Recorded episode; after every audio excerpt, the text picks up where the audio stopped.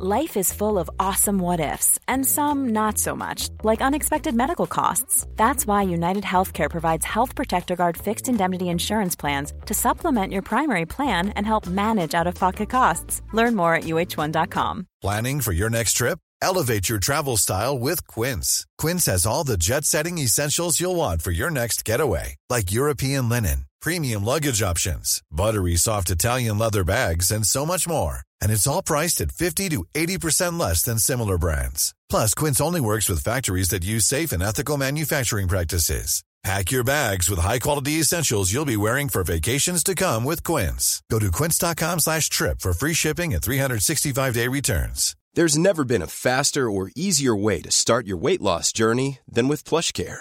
PlushCare accepts most insurance plans and gives you online access to board-certified physicians who can prescribe FDA-approved weight loss medications like Wigovi and Zepbound for those who qualify. Take charge of your health and speak with a board-certified physician about a weight loss plan that's right for you. Get started today at plushcare.com slash weight loss. That's plushcare.com slash weight loss. plushcare.com slash weight loss.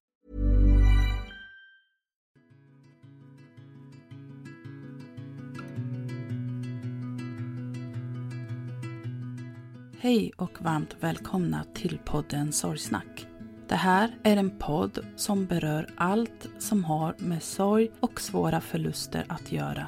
När livet inte blev som vi hade tänkt, när något oväntat händer och hela ens liv vänds upp och ner över en dag och när vi tvingas ta förväl av någon vi älskar.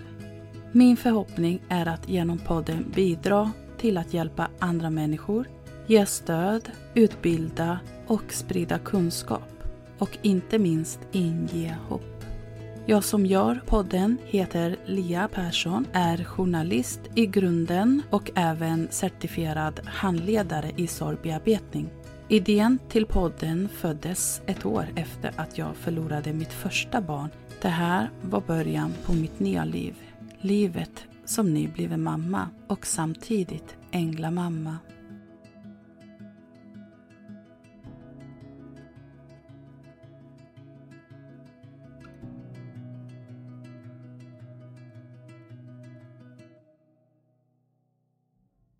Veckans avsnitt presenteras i samarbete med Studio Smile i Stockholm. Och ett särskilt tack till Lotta och Julia. Då rullar vi veckans avsnitt.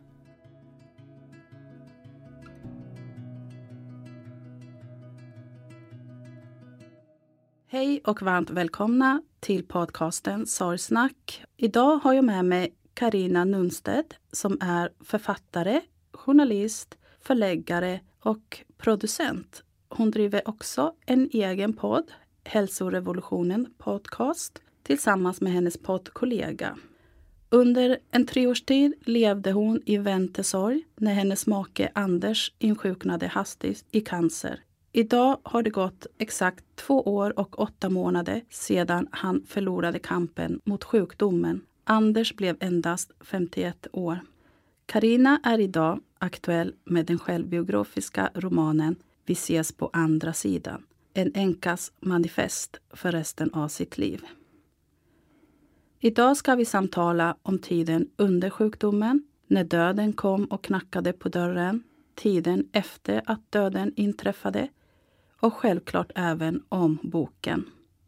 Så varmt välkommen till podcasten Sorgsnack, Karina. Fint att ha dig här idag och att vi kunde få till den här träffen nu när du befinner dig på hemmaplan. Tack så jättemycket och tack för en så väldigt fin introduktion. Det känns jätteroligt att få sitta här med dig. Tack detsamma. Så för de som inte riktigt känner till, vem är Karina? Kan du berätta lite kort om dig? Jag är eh, uppväxt i Småland utanför Växjö. Jag började jobba som journalist eh, redan under gymnasiet eh, och på Smålandsposten, lokaltidningen och hamnade sen på Expressen där jag sen också träffade min blivande man Anders. Så i grunden är jag journalist. Sen har jag gått vidare eh, som chefredaktör och startat egna tidningar som tidningen Mama till exempel, den mest kända. Och sedan gick jag över till att eh, både skriva böcker och bli förläggare. Och eh, idag har jag då också podden Hälsorevolutionen tillsammans med eh, Maria Borelius som är en av de författare som jag har jobbat med. Så att jag är väl eh, på många olika plan eh, innehållsutvecklare kan man säga.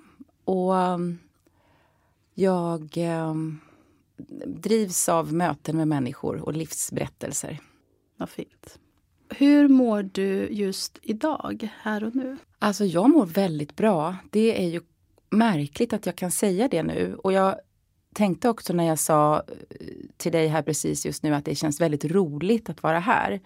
För ett tag sedan så hade jag inte kunnat säga så. Och det blir också liksom en, en krock. Jag minns i början när jag var ja, väldigt nyförlöst, höll jag på att säga. Ny, ny, ny i sorgen. Um, och folk frågade hur är det, alltså sådär som folk gör. Då kände jag ju inte att jag kunde säga ja det är bra, som man säger sådär, mm. att per automatik. Utan då sa jag alltid det är okej. Okay.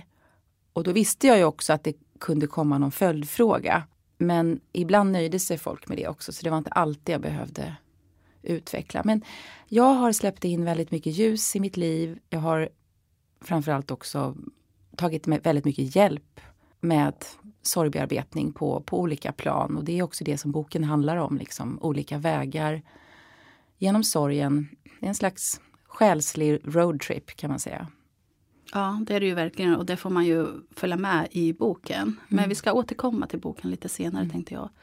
Kan du ta oss tillbaka till den dagen när du och Anders fick eh, reda på att han hade cancer?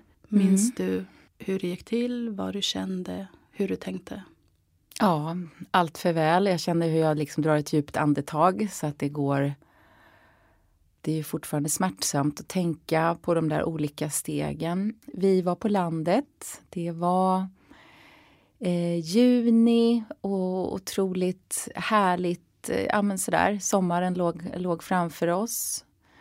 Och Anders hade eh, varit och jobbat. Eh, Anders jobbade som musikjournalist för Expressen under över 20 år och han reste väldigt mycket i sitt jobb. Så att han hade varit iväg i Göteborg. Och eh, sen så skulle han jobba på Grand Hotel och intervjua massa olika stjärnor som skulle vara med i Mamma Mia-filmen nummer två. Stellan Skarsgård med, med flera. Och där fick han gå ut eh, i någon paus för att han hade så fruktansvärt ont i magen. Och eh, han skrev det till mig men han skrev att det här är nog inget det är ingen fara. Han var väldigt mycket sådär, äh, det är lugnt, det är ingen fara. Det, jag, jag, jag går till apoteket och frågar om de har något. Ja, och sen så kom han hem och på natten så fick han så fruktansvärt ont. Alltså han kunde inte sova på hela natten och inte jag heller för han låg liksom och vred sig. Så till slut klockan fem så sa jag, men alltså älskling, du måste ju åka in, det går inte. Och han bara, jag, pallar inte, jag är trött, jag vill bara sova och, och sådär. Ja men alltså, ja, jag, jag, var ju orolig så jag ringde sjukvårdsupplysningen. Så, så där var det ganska ofta att det var jag som liksom ja, fick eh, ta lid på att nej men vänta nu behövs det någon läkare här eller så. Så att eh, vi åker in, eh, barnen har sommarlov och vi är på landet i vårt älskade gula hus på Ljusterö. Och, eh, eh och lämnar barnen, de, ja, de är relativt stora, eh, 14 och 17 år då. Och, så de får sova, sova ut tänker vi. Och tänker, men vi är nog snart tillbaka. Liksom. Mm. Men Anders blir kvar för undersökningar, jag åker tillbaka och sen ringer Anders eh, och säger, ja, eh, sit, du, sitter du ner nu? Alltså, typ. Och då vet man ju, säger någon så, så det är ju inget bra. Det, det, då, jag bara, vänta nu. Ja, men jag har, jag har känt det liksom undermedvetet att det här är inte bara liksom någon liten grej man viftar bort. Och, och, han säger, ja det, det är cancer, säger han. Och det här är då senare på eftermiddagen när de har gjort olika undersökningar. Och jag skriker rakt ut. Jag står på gräsmattan utanför vårt, vårt hus och han bara, men vänta, vänta, lugna dig. Det kommer bli bra, det kommer bli bra, säger han. Eh, för sån var han. Det mm. skulle ordna sig och det skulle bli, bli bra. Det gjorde också att han ja, klarade sjukdomen bra väldigt länge, kunde liksom mota, mota bort en, en stor del. Um, ja, så det var där det började. Och Anders hade ju fått veta då att det var tjocktarmscancer och att han skulle få opereras snart och att de hade en väldigt positiv prognos. Så det, var, det, var, det var väldigt hoppfullt från mm. början. Mm. Men då gick det väl ändå väldigt fort att få svar? Ja, relativt fort. Tjocktarmscancer är en av de vanligaste cancerformerna. Så att jag eh, de tog honom på allvar och de gjorde ju alla möjliga liksom snabba undersökningar där de uteslöt liksom. Eh, och, och, det, ja, så att de, de gjorde ju en röntgen och hittade den här tumören i, i tjocktarmen. Och eh, det här pågick ju under en treårsperiod som han var sjuk. Ja, det var sommaren 2018 som Anders blev sjuk och han gick bort eh, eh den 16 juni 2021. Mm. Hur skulle du säga, när du tittar tillbaks på den tiden, att ni hanterade det som par? Alltså jag skulle säga att vi var ett superteam. Det var vi hela tiden under vårt äktenskap. Eh, jag var tillsammans med Anders i 26 år och i 24 år var vi gifta. Så att eh, vi hade ju stått vid varandras sida väldigt länge. Mm. Eh, genom olika typer av motgångar som man har i livet. Han förlorade sina föräldrar eh, tidigt. Um, och eh, vi hade svårt att få barn och vi, eh, ja, ja men olika krämpor man är, man är med om. Eh, och utmaningar. Vi var vi, ja, vi, vi var liksom allt, det, det, var, det, det var vi liksom så. Och, und, och, och, när vi då fick den här, fick det här besked, hemska, hemska beskedet så så ja, Anders var en riktig, riktig fighter och jag stod ju vid hans sida. Så att det var lite av en, det är vi mot världen-känsla och vi ska fixa det här. Så att sen, sen eh, Anders ville inte höra talas om att jag skulle jobba mindre eller att vi skulle förändra någonting. Han ville att vi skulle ha ett så vanligt liv som möjligt och eh, han eh, ville han var en sån som alltså verkligen hade hög tillit till sjukvården.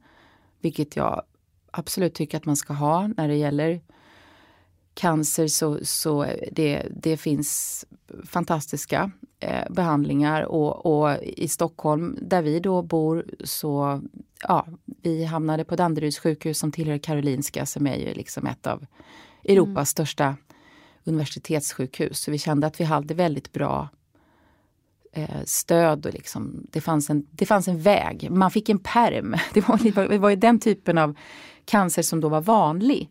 Mm. Så att det var ganska tydligt eh, vad, eh, ja, hur, hur behandlingen skulle gå tillväga. Det först var operation och sen var det cellgifter. Så att vi, vi tog det därifrån. Um, och tänkte ju först att det skulle räcka med det men sen så kom ju cancern ganska snabbt eh, tillbaka och spred sig då.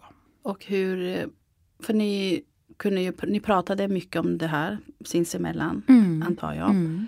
Men pratade ni mycket också med era barn om själva ja. förloppet, om hans mående? Vi, eh, det var ju den första eh, panikkänslan efter att vi hade fått beskedet att Anders hade fått en cancerdiagnos var hur ska vi berätta för barnen? Alltså hur ska man orka göra det? Mm. Men vi, fick, eh, vi bollade det med en sjuksköterska minns jag. Och, och, min grundkänsla, Anders grundkänsla var att vi, vi, vi ska liksom inte undanhålla barnen. Vi fick, eh, de, de är också då, ja, var relativt stora. Men det råd vi fick var informera liksom om varje viktigt steg och låt alltid barnen ställa frågor. Så att vi, det var inte att vi liksom hällde ut hela vår, alla våra panikkänslor så att barnen skulle behöva hantera det. Utan jag tror att man får eh, dra någon slags gräns. Men, men eh, ja, steg ett var ju att berätta att eh, pappa har cancer. Liksom. Och det de blev ju såklart väldigt oroliga och de ställde frågor. Men vi lugnade dem och sa att nu är det en operation och med all sannolikhet så, så ska cancern liksom kunna försvinna. Och, och, så att det finns en plan här.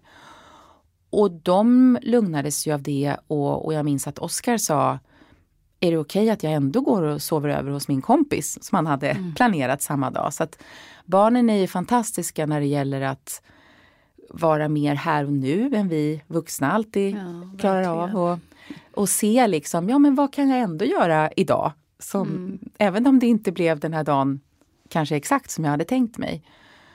Så tack och lov, de har hela tiden haft jättefina vänner som de fått stöd av och, och ja, vi har eh, stor familj som vi är nära så att det har liksom hela tiden funnits ett, ett eh, nätverk som har ja, stöttat både oss och, och barnen.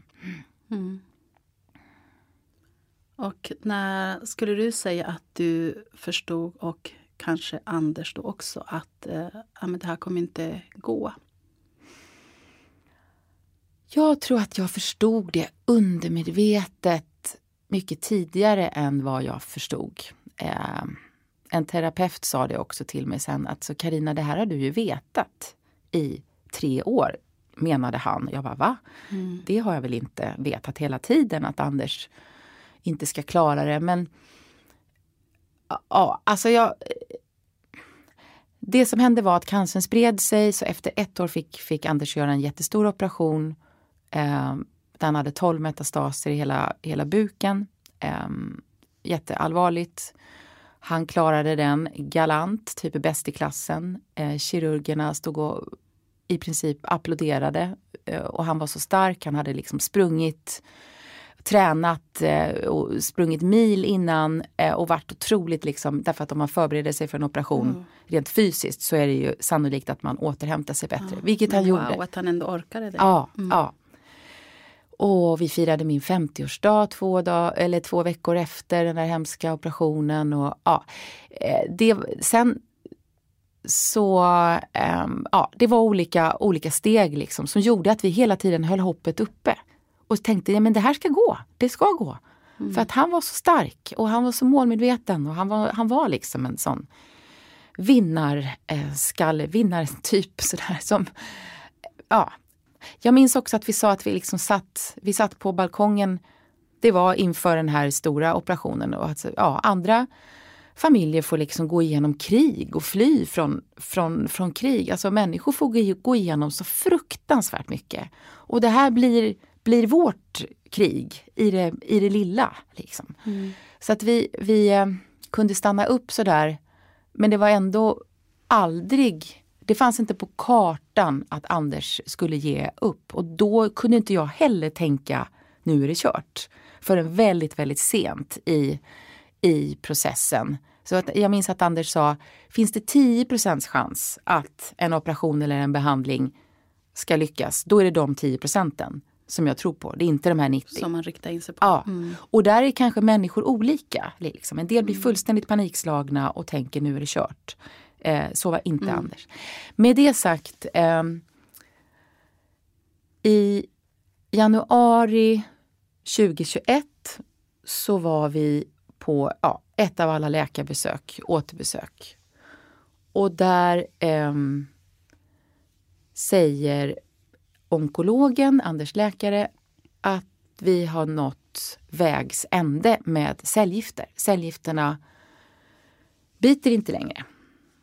Och eh, ja, och det var ju såklart Alltså då, då tror jag att det sjönk in att okej, okay, det här är ju inte bra. Liksom. Han hade gjort så många cellgiftsrundor så att jag kan inte räkna dem. Um, men då var det också så här, okej okay, vad gör vi istället då? Så, mm. så det var liksom ändå inte att vi gav upp. Och då fick Anders tillgång till det vi sen kallade för mirakelmedicinen. Som var en helt ny medicin, någon typ av hormonbehandling som, som hade precis eh, godkänts, gått igenom det som kallas för fas 3. Och läkaren kom plötsligt, eh, kom först inte på att den fanns. Han sa först en annan typ av medicin som skulle kunna lindra lite sådär. Var en, en alltså, men, men det som hände där var ju att vi gick in i det som kallas för palliativ vård. vård ja, mm. så liksom, inte... Vård i livets slut. Ja, och alltså, det var inte mm. att vi tänkte på det ordet fullt ut. Men vi förstod att okej, okay, nu är det inte bota, få bort cancern. Utan det är väl livsförlängande. Fast alltså, det var ändå att vi bara motade bort. Mm. Det var som att nej men det här handlar inte om, om Anders. Det, det handlar om någon annan. Ja, han fick den här mirakelmedicinen som jag googlade, alltså gud den såg ut som att den kostade liksom flera miljoner om man skulle fått den i något annat land. Och eh, under tre månader så mår han nästan som vanligt. Och vi fattar ingenting. Så att vi är, det, eller vi, vi, det är som att vi nästan lurar oss själva tror jag. För att Anders mår så pass bra och hans värden ser fantastiska ut. Sen är det ändå så att läkaren när han ringer och säger att ja, värdena ser jättebra ut och, och, och de här eh, metastaserna i levern och lungorna de, de har minskat, de har krympt och vi bara wow, men det är ju fantastiskt. Jo, jo det är det. Och det har jag tänkt på i, i efterhand. Ja, så att det här var ju en typ av livsförlängande medicin men som inte botar. Den liksom lurar cancern ett tag om jag har förstått det rätt. Eh, efter tre månader i april så möter Anders mig efter ett möte som jag har haft om en bok och han ser allvarlig ut och, och har varit ute och promenerat och sen så bara säger han att ja, läkaren har ringt och, och jag måste sluta med medicinen. Och det är slutet av april och då, då ser han riktigt upp, uppgiven ut. Liksom, för att det här var ju ja, något som verkligen höll oss alla uppe och som vi naivt nog bara hade mm, typ vant oss vid. Så. Sen började en massa komplikationer och så att under maj men Anders ger fortfarande inte upp. Så att alltså, för ett jättelångt svar på din fråga, när förstod vi att det var kört? Ja, någon gång ungefär en månad innan Anders gick bort. Då det bara blev mer och mer komplikationer. Han började gå ner jättemycket i vikt. Och sen säger läkaren till oss. Du har den här sommaren Anders. Um, och då är det, det är början av juni och vi eh, tar med barnen så att barnen ska få samma information och barnen ska få titta på röntgenbilder och ja, vi, han säger er pappa har den här sommaren, säger han. Och sen så får Anders bara nio dagar efter det mötet. Så att ja just det, det han gick dör. väldigt fort ändå. Ja, han dör på Ersta hospice den 16 juni efter då en rad komplikationer med framförallt levern eh, som liksom ja, kroppens organ ger ju liksom upp på olika sätt. Vi, så vi har, vi har, haft hemska dygn på Huddinge sjukhus först där han bara låg och kved i smärtor. De, de kunde liksom inte ge honom tillräcklig smärtlindring. Så det, det, är, bland det, det, det, är det, typ, det är det värsta jag varit med om i livet. Att stå bredvid någon som har så ont. Var det för att det inte hjälpte med smärt? Ja, alltså det där tror man ju. Det finns ju lag på att man ska få hjälp med smärtlindring. Men, men i ett visst skede av en så svår sjukdom som då cancer kan vara så då står läkarna ibland maktlösa. Och, och smärtproblematik har jag förstått, det är, det är jättekomplicerat. Så att de, jag stod liksom bara, men ska det vara så här? Och bara, nej, så här ska det inte vara. Vi måste hitta på något. De liksom bara, nu måste vi vara kreativa. Så de, de kallade in en smärtexpert eh, från eh, narkosen där de är ja, fantastiska på det. Då fick de till någon cocktail med olika, alltså det är liksom i vilken ordning typ man ger eh, paracetamol och ibuprofen och lugnande och morfin. Alltså mm man, man lägger upp det där på olika sätt. Och, och under några timmar så mådde han jättebra. Och det var, det var en lördag och det var en stor fotbollsmatch och barnen var där och tittade eh, på den tillsammans med honom i sjukrummet på, på Huddinge sjukhus och sen bara slog, slog det till igen och han var liksom så dålig och hade så ont, så ont, så ont och, och fick liksom han fick världens ångestattack efter att han hade kommit in på Huddinge sjukhus så, så gav de honom, han hade som någon slags konstig infektion i kroppen så han fick eh, eh, kortison som han sen fick en allergisk reaktion mot. Och han ringde mig den kvällen. Det här var också fortfarande coronaregler som gällde så att jag fick först inte komma dit. Det var, så var det ganska ofta där. Det var väldigt frustrerande liksom att bara vara med på telefon eller på mm. länk när man ska prata med läkare och så. Men eh, ja, när han kom in på Huddinge sjukhus eh, eh, då, då fick han den här allergiska reaktionen och då kände han det som att han skulle dö. Han, bara, han sa det bara, det här var det värsta. Han kände att han bara föll, föll, föll, bara ramlade, eller bara liksom sjönk igenom något liksom hål som aldrig ja, utan botten. Um, så det, det, var hemskt att stå bredvid eh, min man som var så otroligt eh, panikslagen och hjäl hjälplös. Liksom. Och sen, sen, sen, var det en läkare där som, som sa till oss att ja, vi befinner oss på ett av Europas största sjukhus och här är man ju, det är ett universitetssjukhus, man är specialister och eh, man skulle kunna göra ytterligare ett ingrepp eh, i levern och sätta dit en ny stent som det heter. Men jag råder er att inte göra någonting mer nu. Anders har gått igenom så mycket. Så att, och det här var en otroligt erfaren överläkare. Och han sa att eh, nu tycker jag att ni ska tänka på hospice. Och vi, ja, så det, vi liksom bröt ihop totalt. Och Anders bror kom dit, Anders syster eh, var redan där från Italien för att vi just hade fått det här beskedet att det var relativt kort tid kvar. Och, och barnen satt på olika fotbollsmatcher med kompisar och, och tittade och, och, ja, jag minns att Oskar sa, måste vi komma? Och så ja, jo, men ni måste nog komma nu.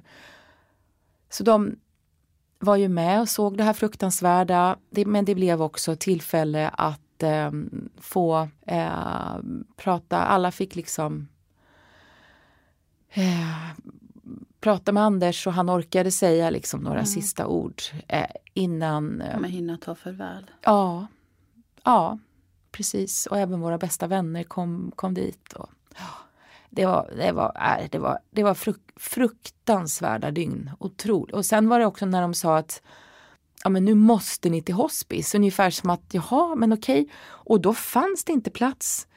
Då fanns det bara plats på något hospice i Sollentuna, kanske ungefär.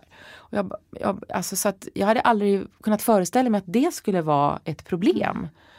Och, de, och det är också det här att på ett vanligt sjukhus som det här var, då får man bara ge viss mängd smärtlindring och lugnande. Men på ett hospice så gäller ju andra regler. Då får man ju liksom hjälpa patienten ytterligare i livets slutskede. Ja, det var en nattsköterska eh, han och, han och jag, alltså jag fick hålla på och ringa på den här knappen hela tiden och han sa Karina det går inte att ge mer nu men jag, men jag kan ge om en timme och Anders låg och kastade sig fram och tillbaka de här sista nätterna. Men så måndag morgon den 14 juni så då, eh, ja, då hade vi, vi fått plats på Ersta hospice. Eh, vilket då kändes typ som att vinna högsta vinsten ungefär. Och vi fick åka ambulans för sista gången. Men den här gången var det inte en ambulans som skulle liksom kunna hjälpa till med att komma till eh, snabb vård utan mm. det var bara en, ja, en formell, transportsträcka. formell mm. transportsträcka. Mm. Ja. Så kom vi fram till Ersta hospice där det var det var som att komma in i en värld klädd i bomull. Det var liksom sköterskor som pratade med änglaröster och, och, och läkare som lugnade oss och liksom nu tar vi hand om det här. Och det, och det kändes verkligen så otroligt skönt att få överlämna den här ångesten över att Anders hade så fruktansvärt ont. Att det fanns några som kunde ta hand om det. Eh, men det innebar ju också att han då förlorade medvetandet. Vi kunde liksom få vissa reaktioner men, men eh, ja, sen så eh, somnade han ju. Han var fortfarande eh, ja, vid liv och andades och vi räknade hans andetag och det gick längre och längre mellan andetagen. Och, läkarna sa att ja, det, kan, det kan hålla på så här i en vecka. En del vill mm. liksom inte släppa taget. Så de sa ni måste försöka ta hand om er själva, gå ut och, och gå, eh, ta en kaffe med en kompis, eh, gå ut och, och, och ät, se till liksom för att ja, det här kanske, ni, ni kommer kanske behöva orka vara här och, mm vaka väldigt länge. Men eh, då på morgonen den 16 juni eh, 30 på morgonen precis när solen gått upp. Jag, jag kollade upp det sen, det var exakt då solen gick upp. Och vi hade öppnat fönstret för det var, det var liksom så här försommarvarmt. Och jag hörde koltrasten sjunga utanför. Det, eh, ja, det var så vackert allting och det var så fruktansvärt sorgligt och ofattbart. Och när jag, jag har precis somnat in efter att jag har pratat med Oskar, vår yngsta son, som hade valt att sova hemma med min mamma och, och eh, sin storebror. Eh, han hade svårt att somna på natten och jag också. Sen hade vi i alla fall somnat lite och så blev jag väckt av en sköterska där på hospice som säger att Anders har somnat in nu. Och det, det går inte att vara förberedd. Alltså jag har fått den här frågan så mycket. Så här, men var ni inte förberedda på att Anders skulle dö? Han var ju sjuk i tre år och sådär. Det, nej. Nej, det, det spelar ingen roll. Det är ju nej, som du sa, det hoppet är ju det sista som lämnar. Ja, exakt. Precis så är det. Kanske att du är lite mer förberedd om du har en eh, mormor som är 99 som har varit sjuk länge och ska dö. Fast jag vet inte, döden kommer alltid plötsligt tror jag. Mm. Ja, men precis. Det är fortfarande, även om jag har bearbetat så mycket så är det ju, ja, det var länge sedan jag gick tillbaka till allt så här nu så jag känner ju att det, det är ju alltid smärtsamt att göra det. Eh, Ja men det är ju så. Och ibland mm. kan man ju prata om det, det man har varit med om. Ja, utan ja. att tårarna kommer. Och ibland så rinner de bara. Exakt uh, så. Ja. Och det är ju helt okej. Okay. Det ska de få göra också. Ja. Det är viktigt att få vara i de känslorna. Ja.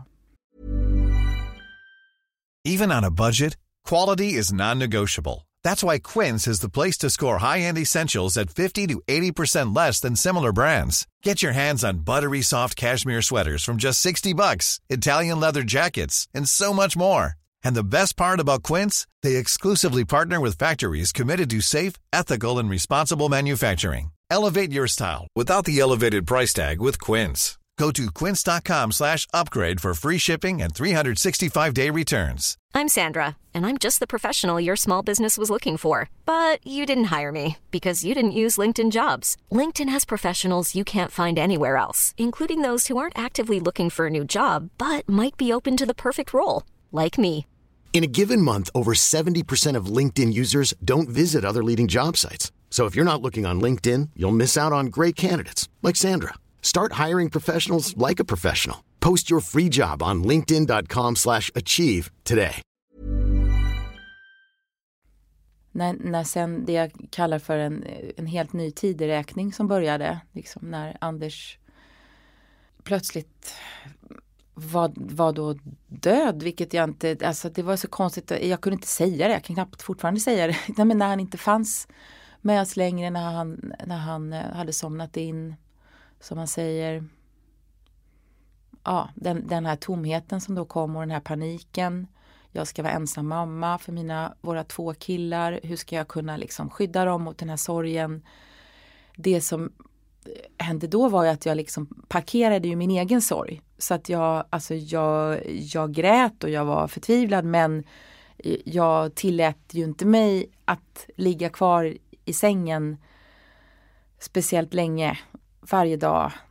Och det var också där jag började skriva för att jag kände att jag behövde liksom tömma, eller, eller skriva, jag har alltid skrivit hela mitt liv och mm. skrivit böcker tidigare och sådär. Men ja. jag började skriva för min egen skull för att jag skulle orka gå upp ur sängen och ta mig an dagen. Så öppnade jag den här gula anteckningsappen där jag brukar skriva ja, men allt möjligt från inköpslistor till, mm. till eh, citat, vad det, vad det kan vara. Men nu började jag skriva på ett helt nytt sätt, liksom att tömma huvudet på de här otroligt jobbiga ångestkänslorna. Och en av frågorna var ju liksom, vem är jag utan dig? Eh, jag har varit gift med Anders i 24 år, vi har varit tillsammans i halva mitt liv. I 26 år. Jag var 51 år när Anders gick bort och skulle fylla 52. Äh, det var det var sån total panikartad eh, ovisshet över hur livet skulle forma sig. Så när jag går till en terapeut som jag har ja, gått till eh, under en mer jobbrelaterad mindre kris tidigare i livet så ja, då, säger, då, då får han liksom verkligen eh, hjälpa mig att ta mig an, att titta på min egen sorg och mina egna känslor. Och jag bara, nej men alltså jag kan inte jag vågar inte göra det. Jag vågar inte öppna den dörren för jag var så rädd för att jag skulle bli så eh, förtvivlad att jag skulle liksom ramla ihop på golvet och inte kunna gå upp och klara av att vara mamma. Så att alltså han, han i, under de där terapitimmarna så ja, mer eller mindre eh, varsamt eh, tvingade mm. han mig att jo men nu, nu är det dig vi, som vi ska, nu, du är här för att liksom prata om din sorg, barnen är okej, de är på en okej plats, så nu kan du släppa det för ett tag. Och du vet när man då går in i det där och all, alla de här, ja men alltså vem, vem är jag och vad, ska, vad, är, vad är meningen med resten av mitt liv? Eh, hur ska jag klara det här? Ja, det var oerhört jobbigt men det, sen så förstår, förstår man ju, eller jag för, fick i alla fall den känslan att det, det är liksom enda sättet att gå in i, i det där mörkaste. I det där jobbiga. Ja. Mm. Mm. Ja men det ligger verkligen någonting i det du säger att ta hand om sin egen sorg. Sen, ja, men sen så, så, så ibland måste det ju gå lite tid såklart men, men jag tror kanske att risken är att om man väntar i många år med att ta hand om sin egen sorg, vilket ibland det finns helt naturliga förklaringar till därför att livet måste bara hanteras och, och så. Men då är ju risken tror jag att känslorna liksom cementeras, att det blir liksom hårdare knutar att lösa upp mm. och, och som sen kan bli väldigt jobbiga liksom, känslomässigt mm. i andra relationer i livet har jag förstått. Absolut. Jag, ja. Man brukar ju säga att sorgen kan fördjupas mm. om man väntar mm. alldeles för länge. Ja, men alla har ju sin resa så att det, det, det, det är med stor ödmjukhet jag pratar om det här och min bok bygger ju på min egen berättelse och jag, jag kände ju bara, jag måste ha hjälp, jag måste ha den här terapeuten och sen, sen så kände jag, nej men alltså jag ja, jag hade olika personer jag, jag kunde prata med. Det var liksom allt, allt från nära vänner men efter bara drygt ett halvår så går jag en kurs i sorgbearbetning på Svenska institutet för sorgbearbetning som jag varmt kan rekommendera. En tredagars workshop som var hardcore, absolut. Eh, jag håller med. Har du gått bra. den? Har du, ja, har du gått men den jag gick den lite längre ja. som handledare i sorgbearbetning ja. också. Ja. Så först gjorde jag den för egen del och sen för att bli utbildad till handledare. Ja, ja, ja fint. Mm. Mm.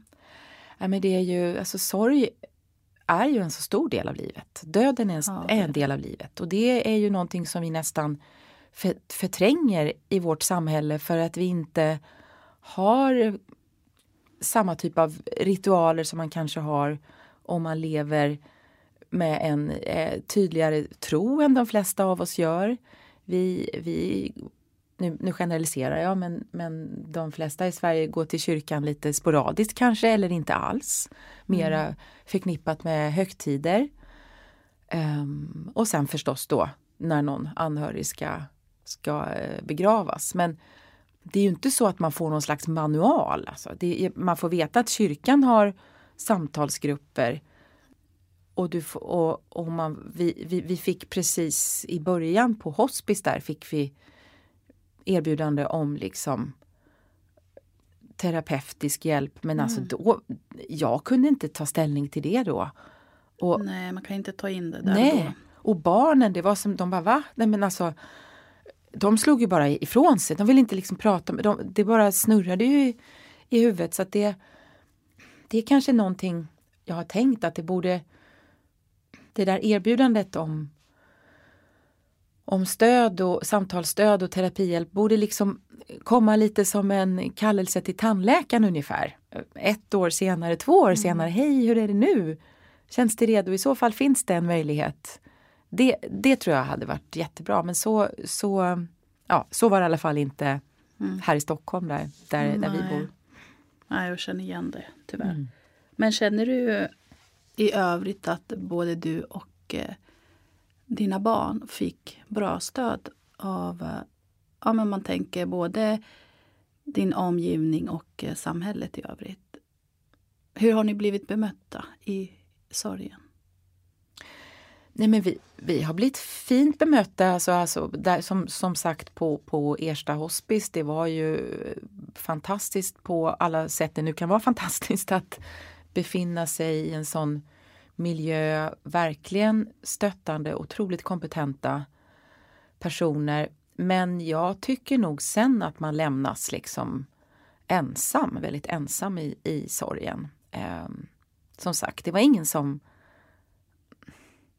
knackade på eller eh, hörde av sig. Alltså det, det kanske, jag, jag minns inte riktigt. Det var nog någon som ringde liksom efter någon vecka eller så och frågade ja men hur vill ni ha de här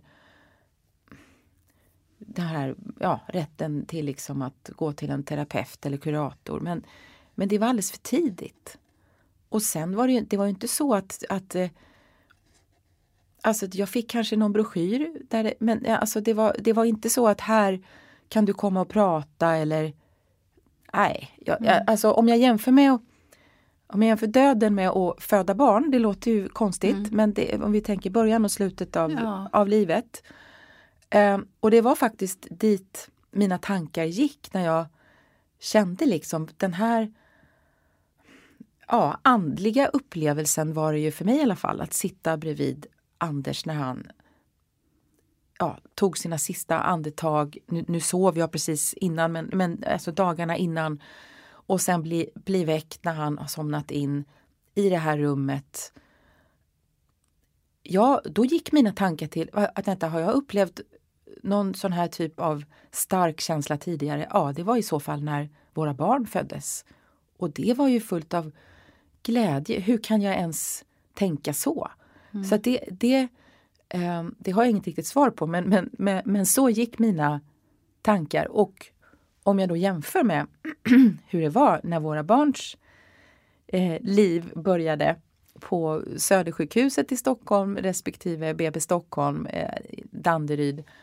Jag menar då, då fick man ju liksom en, men, påsar, lådor med mm. olika tips och eh, prylar och idéer och personal som, som ändå fanns där och eh, eh man var, fick eh, komma till vad heter, vad heter BVC. det? BVC tack, ja. bara, mödravården. MVC först och ja, sen BVC. Minst en gång i månaden. Ja, ja mm. du, du, det fanns professionell hjälp att, mm. att få till viss del i alla fall, även om man kunde vara uppgiven över vissa saker. Eh, kolik och annat. Eh, Mm, ja. Men det fanns ett helt annat system.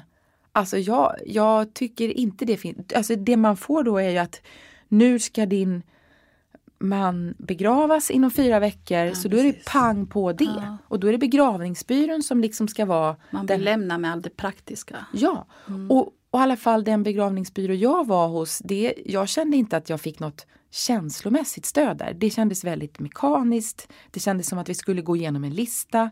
Det kändes mer som att jag satt på någon slags jobbmöte och skulle välja en kista i rätt träslag mm. och jag bara ville skrika rakt ut. Skämtar ni eller? Ska behöver jag göra det här nu? Och vi kom dit eh, och, och, och fick veta att vi skulle haft med oss, vi hade sagt att jo men Anders vill ju ja, eller det var ju det här, vad ska han ha för kläder på sig? Mm. Ja, jag, jag, först var den, fick jag med den frågan precis när Anders hade dött av hospispersonalen. Vad vill du att han ska ha på sig? Jag bara, va? Mm.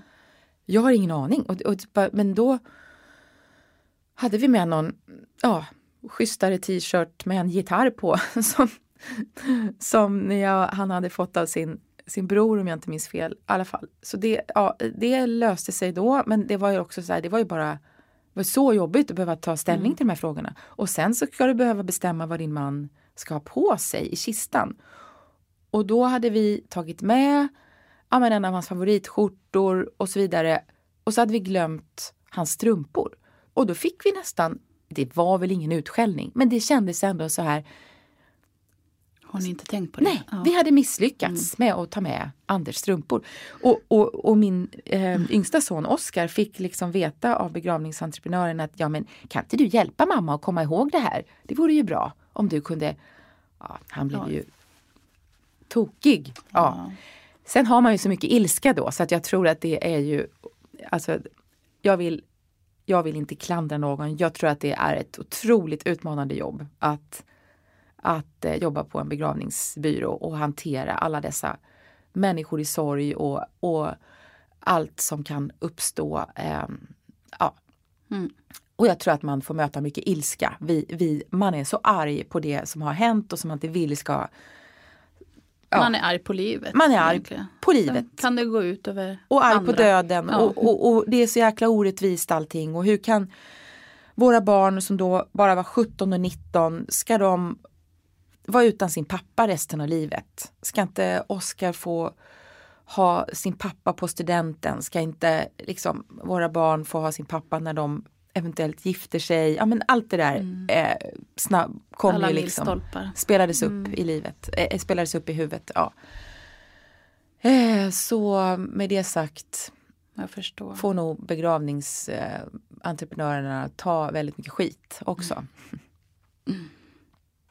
Det är nog säkert, ja, de är nog säkert lite vana kanske då, tyvärr. Men så Ja, är det. Ja. ja. Mm. De kan ju handskas med det. Vi får hoppas tro. det. Mm. Ja. Eh, apropå begravning, hade ni hunnit prata någonting om hur Anders ville ha det? Ja, lite grann. Ja, det var inte, eller så här, Anders innan den här stora operationen som var redan 2019, han hade varit sjuk i drygt ett år, då, då, då var det så pass allvarligt så att det var inte säkert att den operationen skulle liksom lyckas. Eh, och då hade han skrivit, börjat skriva ett dokument i datorn som han döpte till Om allt skiter sig. Och där hade han skrivit ner lite tankar kring kyrka och begravning och musik inte minst. Anders var, jobbade ju med musik, det var en väldigt stor del av hans liv eftersom han var musikrecensent på Expressen. Mm. Och eh, han hade sagt att det där fanns. Han hade då även också skrivit brev till barnen, skrivit brev till mig eh, om det var så att han liksom inte skulle klara den här operationen. Um, och och eh, det, så jag visste att det fanns men, men när vi hade fått beskedet att han bara hade den här sommaren som de då sa, som läkaren sa i, i maj 2021, då, då var det jag som började bli, då började jag tänka att jag måste få veta, jag, alltså jag började bli liksom stressad över Tänk om jag väljer fel musik och ja, då, då började jag tänka lite mer praktiskt där.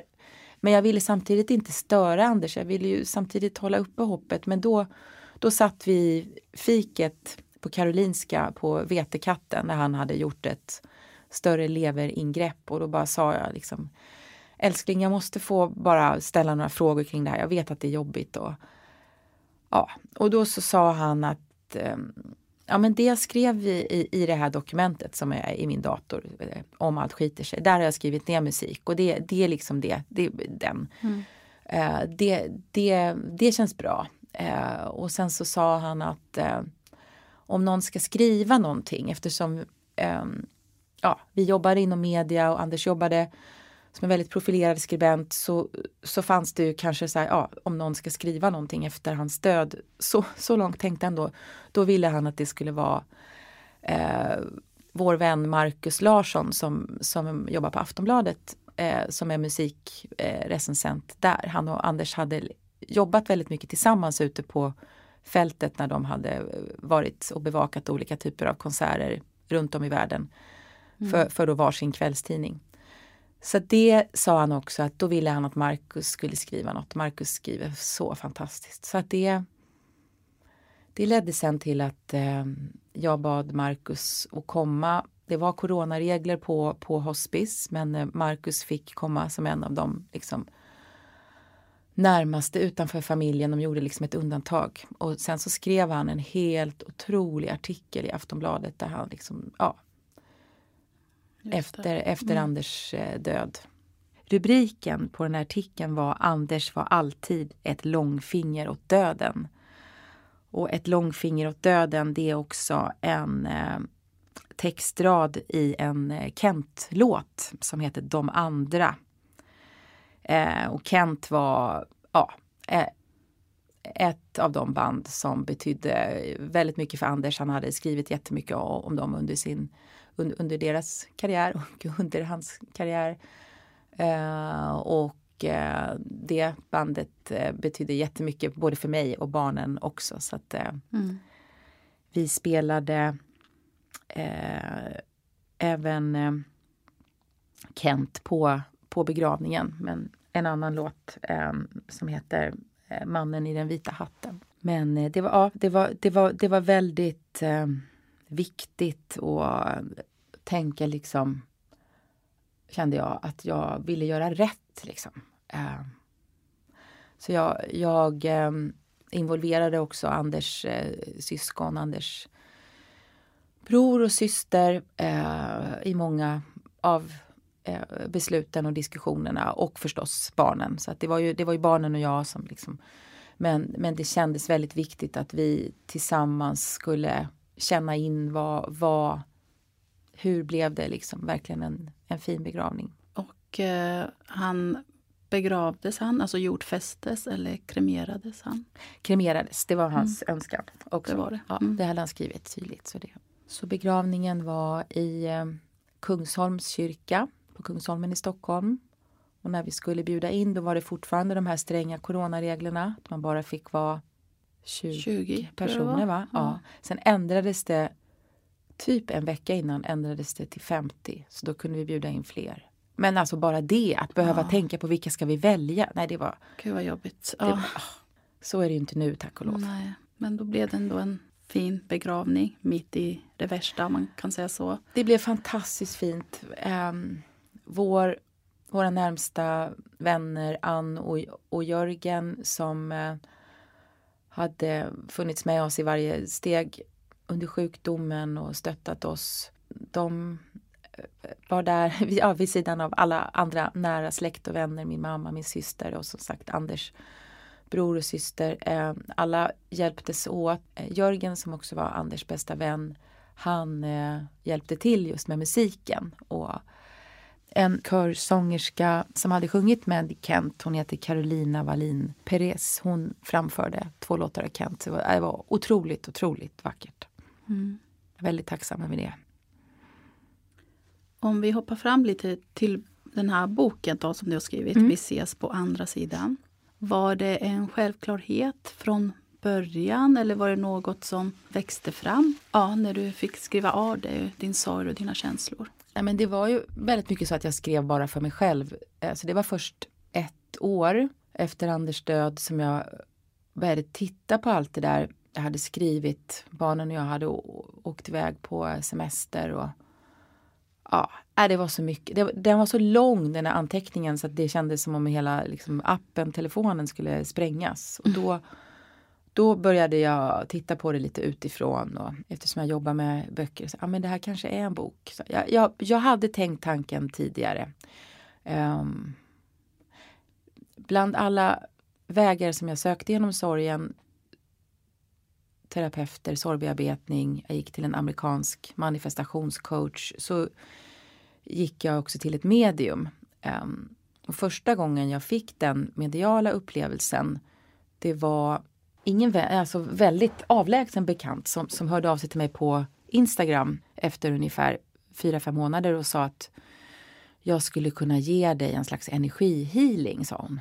Eh, och sen så ledde det till, vi gjorde en resa jag och barnen i USA. ledde till att jag träffade henne. I boken eh, kallar jag henne för Mikaela.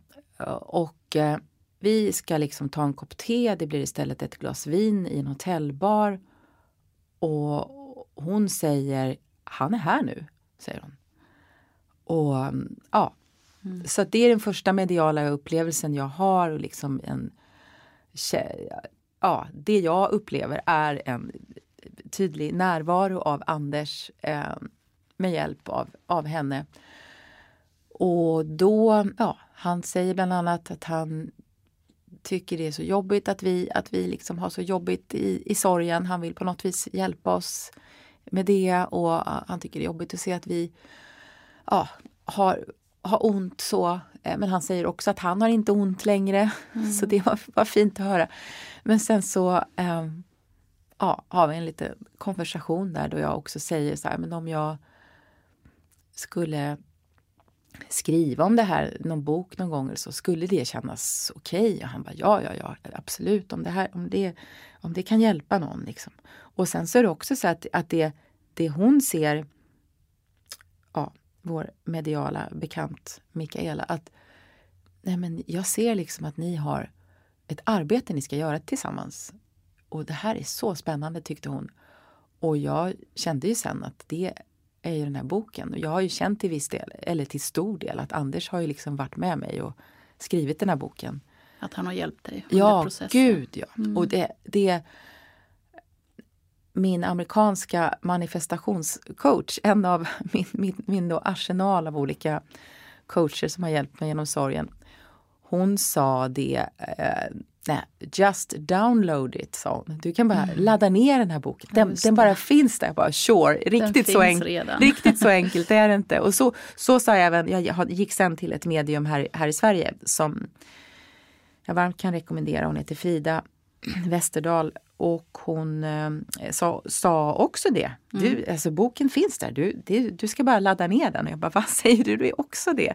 Så det, ja, med det sagt eh, var det bara att göra var det inte bara att göra. Men jag fick, eh, eh, jag fick hjälp, jag fick eh, ja, eh, guidning kan man väl säga. Så. Mm, vad fint. Ja, det beskriver du jättefint i boken också. Tack. Eh, Det är otroligt hjärtligt, öppet, naket och man får ju komma väldigt nära inpå. Mm. Ehm, och Det var det som kändes att viktigt, Många liksom. kan känna igen sig i mycket av det du skriver. Ja, vad fint. Jag, jag, alltså jag får ju så mycket brev, så mycket alltså meddelanden på, på framförallt Instagram. Men så från Ja, de, vad har du fått för respons? ja, men helt ofattbart. Jag får varje dag får Mm. jag ett eller flera fina meddelanden från någon som har lyssnat eller läst min bok och säger att den har berört dem, att den kanske har hjälpt dem, att den har satt ord på deras sorg. Uh, att de kanske först inte vågade läsa för att de kände åh det här det känns lite jobbigt men sen kunde de inte sluta läsa. Och, och jag tror att liksom för mig var det så viktigt då att kunna skriva väldigt transparent. Även om det här är en självbiografisk roman och jag har dramatiserat mina egna upplevelser så bygger det ju på ja, det jag har skrivit ner i stunden väldigt mycket. Och det bygger på de ja, mentala resor jag har gjort med hjälp av eh, olika experter och eh, terapeuter och, och eh, medium, vänner, andra som liksom har, har hjälpt mig. Eh, men det är också en fysisk resa där, vi, där, där jag flyr till olika platser. Jag vill liksom bara bort från sorgen. Och, ja, barnen och jag gör olika resor tillsammans. Vi, vi har också rest mycket tillsammans, hela familjen. Så det var väl ett tillstånd liksom att försöka komma till någonting som kändes bra mitt i alltihop. Liksom. Så att i boken får man följa med på, ja, på olika både eh, yttre och inre resor kan man säga. Mm. Ja, precis. Och eh, som jag nämnde i början, nu har det gått två år och åtta månader ungefär. Mm. Hur skulle du beskriva sorgen idag? Hur ser sorgen ut idag för dig? Det, det är annorlunda, det är det. Um, sorgen finns där hela tiden som en följeslagare. Men jag em, tänker inte riktigt lika mycket på den hela tiden. Jag har eh, gått in i mina mörkaste känslor om och om igen och jag vet att jag klarar att vara där. Så jag är där ibland. När jag känner mig ledsen, jag eh, pratar med Anders så som man kanske kan känna igen att man kan göra när någon har gått bort. Jag pratar om vad som allt fantastiskt som händer våra barn. Det tycker jag är en eh, jobbigaste dimensionen av sorgen just nu. Att inte kunna dela det med barnens pappa. Våra barn är så fantastiska och de fortsätter sina liv och de gör roliga saker. De jobbar och de utvecklas och ehm, det är så himla himla fint att se. Och ehm, vi pratar mycket om Anders. Ehm, senast så eh, var det på hans födelsedag den 25 februari då jag och mm, äldsta sonen åt middag och gick till graven. Yngsta sonen var försenad hem från en skidresa men fanns också med. Eh, det, ja, så det är liksom det, det är annorlunda. Jag kände ju ganska snabbt att liksom det känns viktigt att eh, fortsätta leva. Liksom. Så det gäller att kunna hitta ett sätt att leva med sorgen. Och jag citerar i, i boken eh, komikern Ricky Gervais som eh, har gjort den här fantastiska tv-serien Afterlife. Mm. Ja, den är ja. väldigt fin. Den ja. vågade jag inte se först men sen när jag såg mm. den så den hjälpte mig jättemycket. Det är alltså både tv-serier och böcker har, har kunnat hjälpa mig lika mycket som professionella terapeuter skulle jag säga. Mm. Så att det gäller att, att tänka vad det är som kan vara stöttande för en tror jag. Eh, men i alla fall i en intervju om den här tv-serien så säger Ricky Gervais att sorgen är som en ryggsäck. Och eh, den blir inte lättare men du blir bättre på att bära den. Och jag är mycket bättre på att bära den här sorgeryggsäcken. Men den, jag kommer alltid att bära den. Och, mm. och det känns fint att göra det. Jag vill att Anders ska vara med oss i de nya steg som vi tar i livet skulle kännas jättekonstigt att kasta av sig ryggsäcken. Men det betyder ju inte att jag inte liksom vill fortsätta leva livet så bra som jag bara kan. Och något som har hjälpt mig jättemycket det är ju att jag då har släppte in väldigt mycket ljus, bokstavligen talat. Vi bestämde oss, jag och barnen, för att sälja vårt sommarhus i skärgården som hade varit liksom verkligen ett happy place för Anders och för hela familjen så det var ett svårt beslut. Men jag kände att det aldrig skulle kunna bli lika bra där utan eh, att vi behövde gå in i någonting nytt. Um, och det var ju såklart väldigt förmånligt att kunna ha ett sommarhus som jag kunde sälja och, och jag sålde vår bil. Jag liksom om, omvandlade det, det vi hade och eh, köpte en eh, eh, liten lägenhet i Nice eh, mm. på franska rivieran. Eh, och det är nu eh, ett och ett halvt år sedan, sedan jag köpte den. Så att mm. jag tillbringar mycket tid där och barnen kommer också dit och jag är, sitter där och skriver på en ny bok nu. Och jag är hemma i Stockholm och jobbar också men jag kan jobba mycket därifrån. Mm.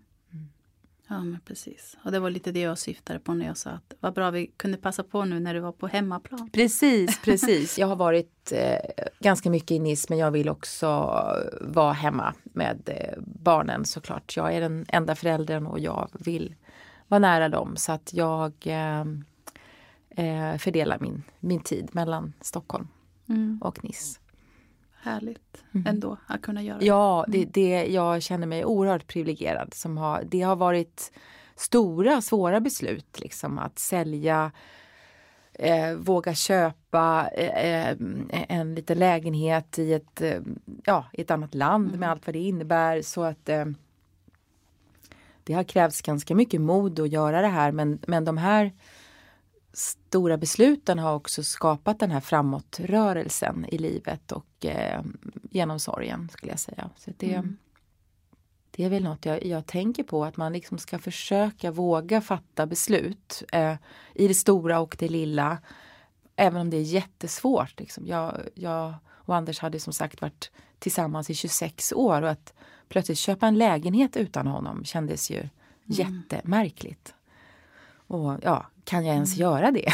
så, ja. ja.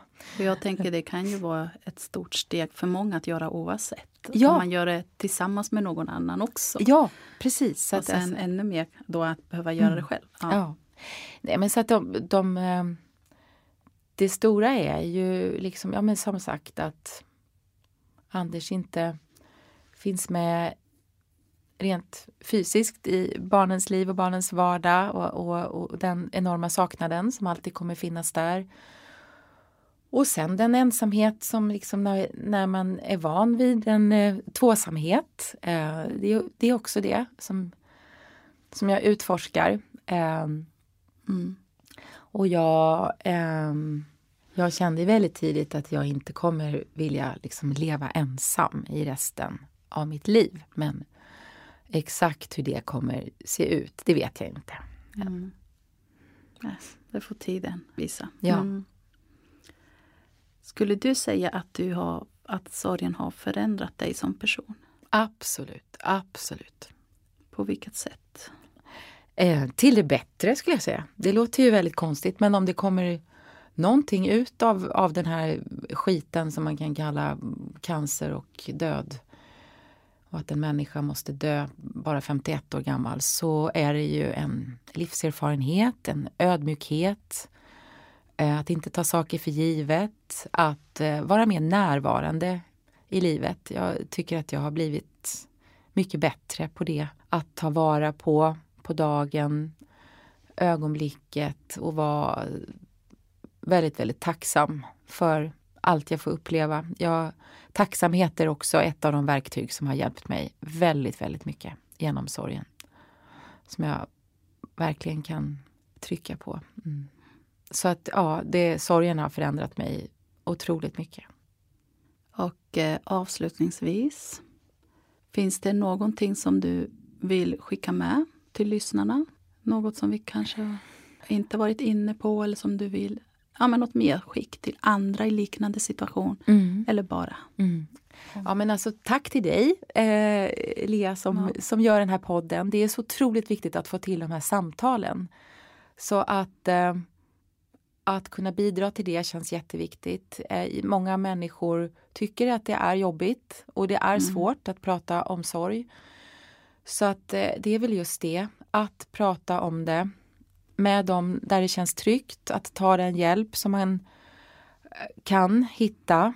Eh, för att hitta olika infallsvinklar på sorgen. För mig har det varit det viktiga. Det har inte varit en enskild grej, liksom en enskild terapeut eller kurs i sorgbearbetning eller så. Det, det har varit det sammantagna, att liksom utforska sorgen och det här sorgelandskapet. Mm. Och samtidigt förhoppningsvis bli starkare som person och kunna klara av livet, kunna eh, leva resten av sitt liv så starkt och ljust eh, som det bara är möjligt. Och finnas där för sina nära och kära. Eh, och det, ja, det är, sorgen och döden är någonting helt naturligt i livet och det, och det glömmer vi bort. Liksom. Så att jag det är väl just det, att landa i det. Att vi kommer alla drabbas av det, förr eller senare. Det gäller att försöka hitta sin väg genom sorgen och den kanske inte ser alls likadan ut som min eller din väg. Mm. Eh, men, men det finns en väg och, och, och, och, det finns ett ljus på andra sidan den där mörka, mörka tunneln. Fint sagt. Och med det så tycker jag att vi säger tack. Tack. Tack för idag, för att du ville komma hit och dela med dig. Mm. Tack så jättemycket för att jag fick vara med. Självklart. Och tack till dig som har lyssnat. Glöm inte att ta hand om dig och varandra så hörs vi igen nästa vecka. Ha det fint. Hej då. Hej då.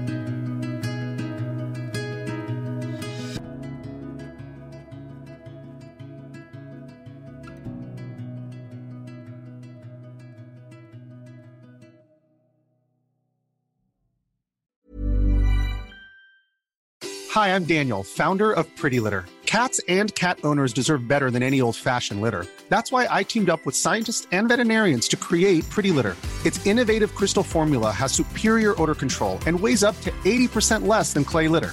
Pretty Litter even monitors health by changing colors to help detect early signs of potential illness. It's the world's smartest kitty litter. Go to prettylitter.com and use code ACAST for 20% off your first order and a free cat toy. Terms and conditions apply. See site for details.